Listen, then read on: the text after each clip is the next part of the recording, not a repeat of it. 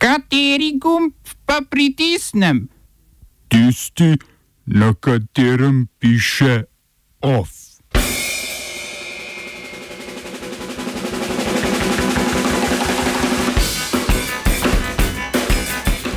ZDA uvedle sankcije proti Turčiji.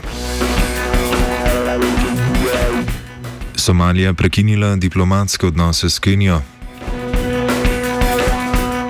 KPK začela s preiskavo nabave zaščitne opreme.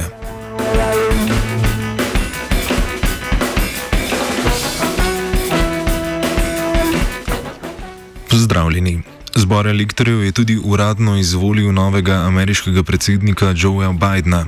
Predsednik Rusije Vladimir Putin in polski predsednik Andrzej Duda sta mu že čestitela, Janšo pa še čakamo. Kmalo po razglasu je pravosodni minister William Barr napovedal, da bo 23. decembra odstopil. Barr se je v spor s Trumpom zapletel po izjavi o tem, da preiskava ministerstva ni zaznala večjih goljufi na volitvah. Odgovor je Trumpova ekipa odvetnikov obtožila ministerstvo, da preiskava ni bila dovolj temeljita.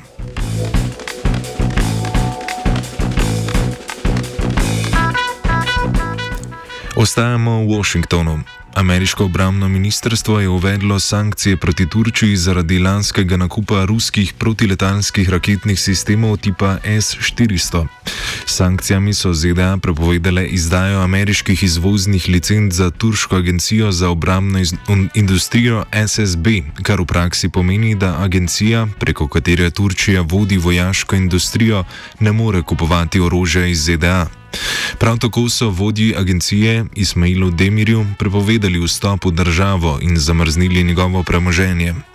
ZDA je strah predvsem tega, da bi Rusija preko radarjev v sistemih pridobivala podatke o najnovejšem ameriškem lovcu F-35, sicer najdražjem ameriškem orožarskem projektu, ki naj bi stal skupno približno 1200 milijard evrov, od tega nekaj več kot 300 milijard za samo proizvodnjo letal, 900 milijard pa za njihovo uporabo ter vzdrževanje.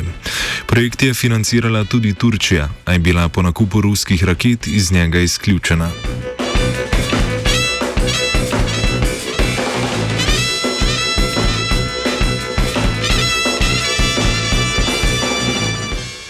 Somalijski minister za informiranje Osman Dube je najavil prekinitev diplomatskih odnosov s sosednjo Kenijo.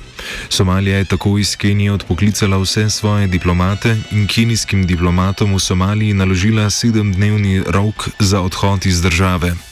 Razlog naj bi bil umešavanje v notranje zadeve Somalije in kršitev suverenosti, kot povod pa se kaže nedeljski obisk predsednika Somalilanda Museja Bihja Abdija v Keniji.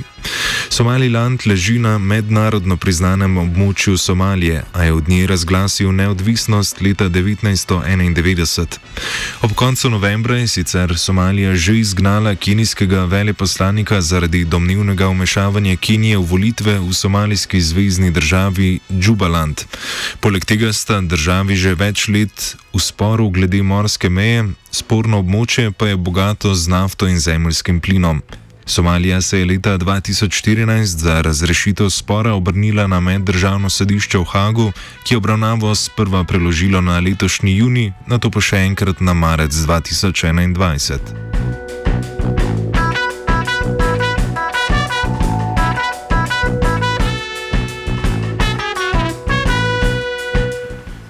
Člana predsedstva Federacije Bosne in Hercegovine Željko Komšič in Šefik Džaferovič sta zavrnila srečanje z ruskim zonanim ministrom Sergejem Lavrovom, ki se mudi na obisku v Sarajevu. Ta se je tako sestal zgolj s predsednikom predsedstva Miloradom Dodikom. Povod za zavrnitev obiska naj bi bilo prav to srečanje, ki je predhodno potekalo v prostorih vlade Republike Srpske, a med njim ni bila razobežena zastava federacije, kljub temu, da je šlo za uradni obisk. Na to naj bi se zgodilo še eno srečanje z vsemi tremi člani predsedstva Bosne in Hercegovine, tokrat v zgradbi predsedstva federacije, a se ga je spet udeležil zgolj Dodik. Lavrov je na obisku pozval k zaprtju pisarne visokega predstavnika za Bosno in Hercegovino, ki je bila ustanovljena v sklopu Daytonskega sporazuma. Neodeležbe članov predsedstva na srečanju ruska stran ni komentirala. Oba, če bom odgovoril na angliški. Slovenia will try to help. We can Slovenia will and we will do our utmost to say that the situation is our problem ourselves. and uh, We will make further steps as soon as the conditions are. bomo vlado Marjana Cererja, Mira, eh, Marjana Cererja Šarca podprli. uh, very very serious. we know how and we will. Komisija za preprečevanje korupcije, krajše KPK, je končala postopek v primeru ministra za okolje in prostor Andreja Vizjaka in njegovega nakupovanja delnic Petrola. KPK pri tem ni ugotovila suma zlorabe položaja, ki je bil Vizjaku učitan po dereguliranju cen naftnih derivatov konec septembra. Vizjak je v času prvega vala epidemije, sklicujoč se na ugodno ceno zaradi paca tečaja, nakupil večjo količino delnic Petrola. V ta namen si je denar celo sposodil, njegov največji nakup pa se je zgodil ob koncu maja, ko je v enem dnevu njegov nakup predstavljal polovico prometa s petrolovimi delnicami na ljubljanski borzi. Postopek pri KPK je začela Agencija za trg z vrednostnimi papirji v septembru, potem ko je vlada napovedala, da ne bo podaljšala uredbe o regulaciji cen naftnih derivatov in s tem prepustila ponudnikom, da si sami določajo višino prodajnih marš.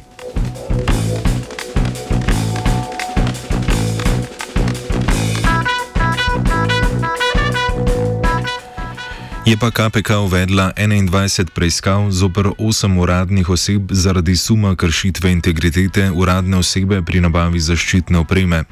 Na tarči komisije so se znašli gospodarski minister Zdravko Počevalšek, direktor Zavoda za blagovne rezerve Toni Rumf in nekdani direktor Anton Zakrajšek, pa tudi državni sekretar na ministrstvu za gospodarstvo Aleš Kantaruti in nekdani uslužbenec Zavoda za blagovne rezerve Ivan Gale. Preiskava se nanaša na osem poslov z različnimi podjetji, ki so po visoki ceni dobavljala ventilatorje za predihavanje ali po domače golfe. Da počevalšek drži besedo, pa se je izkazalo tudi s prostitvijo ukrepov in odprtjem avtosalonov ter znižanje davka na luksuzna vozila. Mercedesi resnično prihajajo za božič.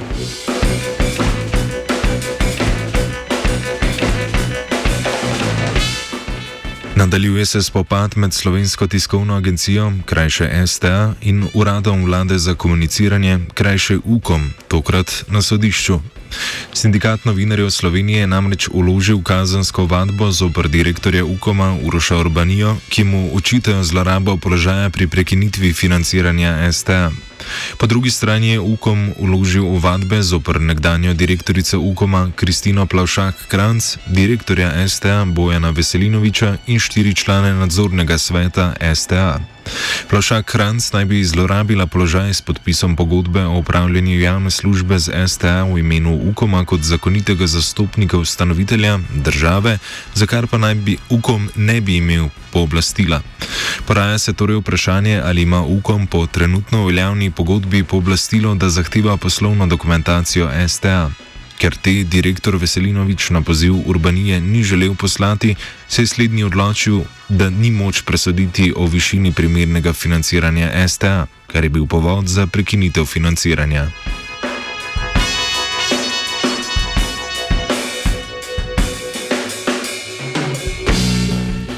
Predsednik stranke Levica Luka Mesec je vložil zahtevo po ustavni presoji zakona o investicijah v slovensko vojsko, kjer naj bi se v postopku sprejemanja zakona zgodila vrsta nedoslednosti, ki se nanašajo predvsem na prepoved referenduma v zakonu. Če naj je ta dopustna, bi moral biti, tako mesec, zakon uložen po nujnem postopku, a je bil uložen po rednem, prav tako pa bi moral biti sklep o nedopustnosti referenduma predlagan sočasno s predlogom zakona in ne pet mesecev pozneje. So pa že pred dnevi v levici skupaj z običajnim gengom opozicijskih strank v ustavno presojo uložili sam sklep o prepovedi referenduma. Po mnenju obramnega ministra Mateja Tonina je vsa skrb odveč. Če sklep ne bi bil vložen v skladu z zakonom o referendumu in ljudski inicijativi, namreč državni zbor o njem sploh ne bi glasoval.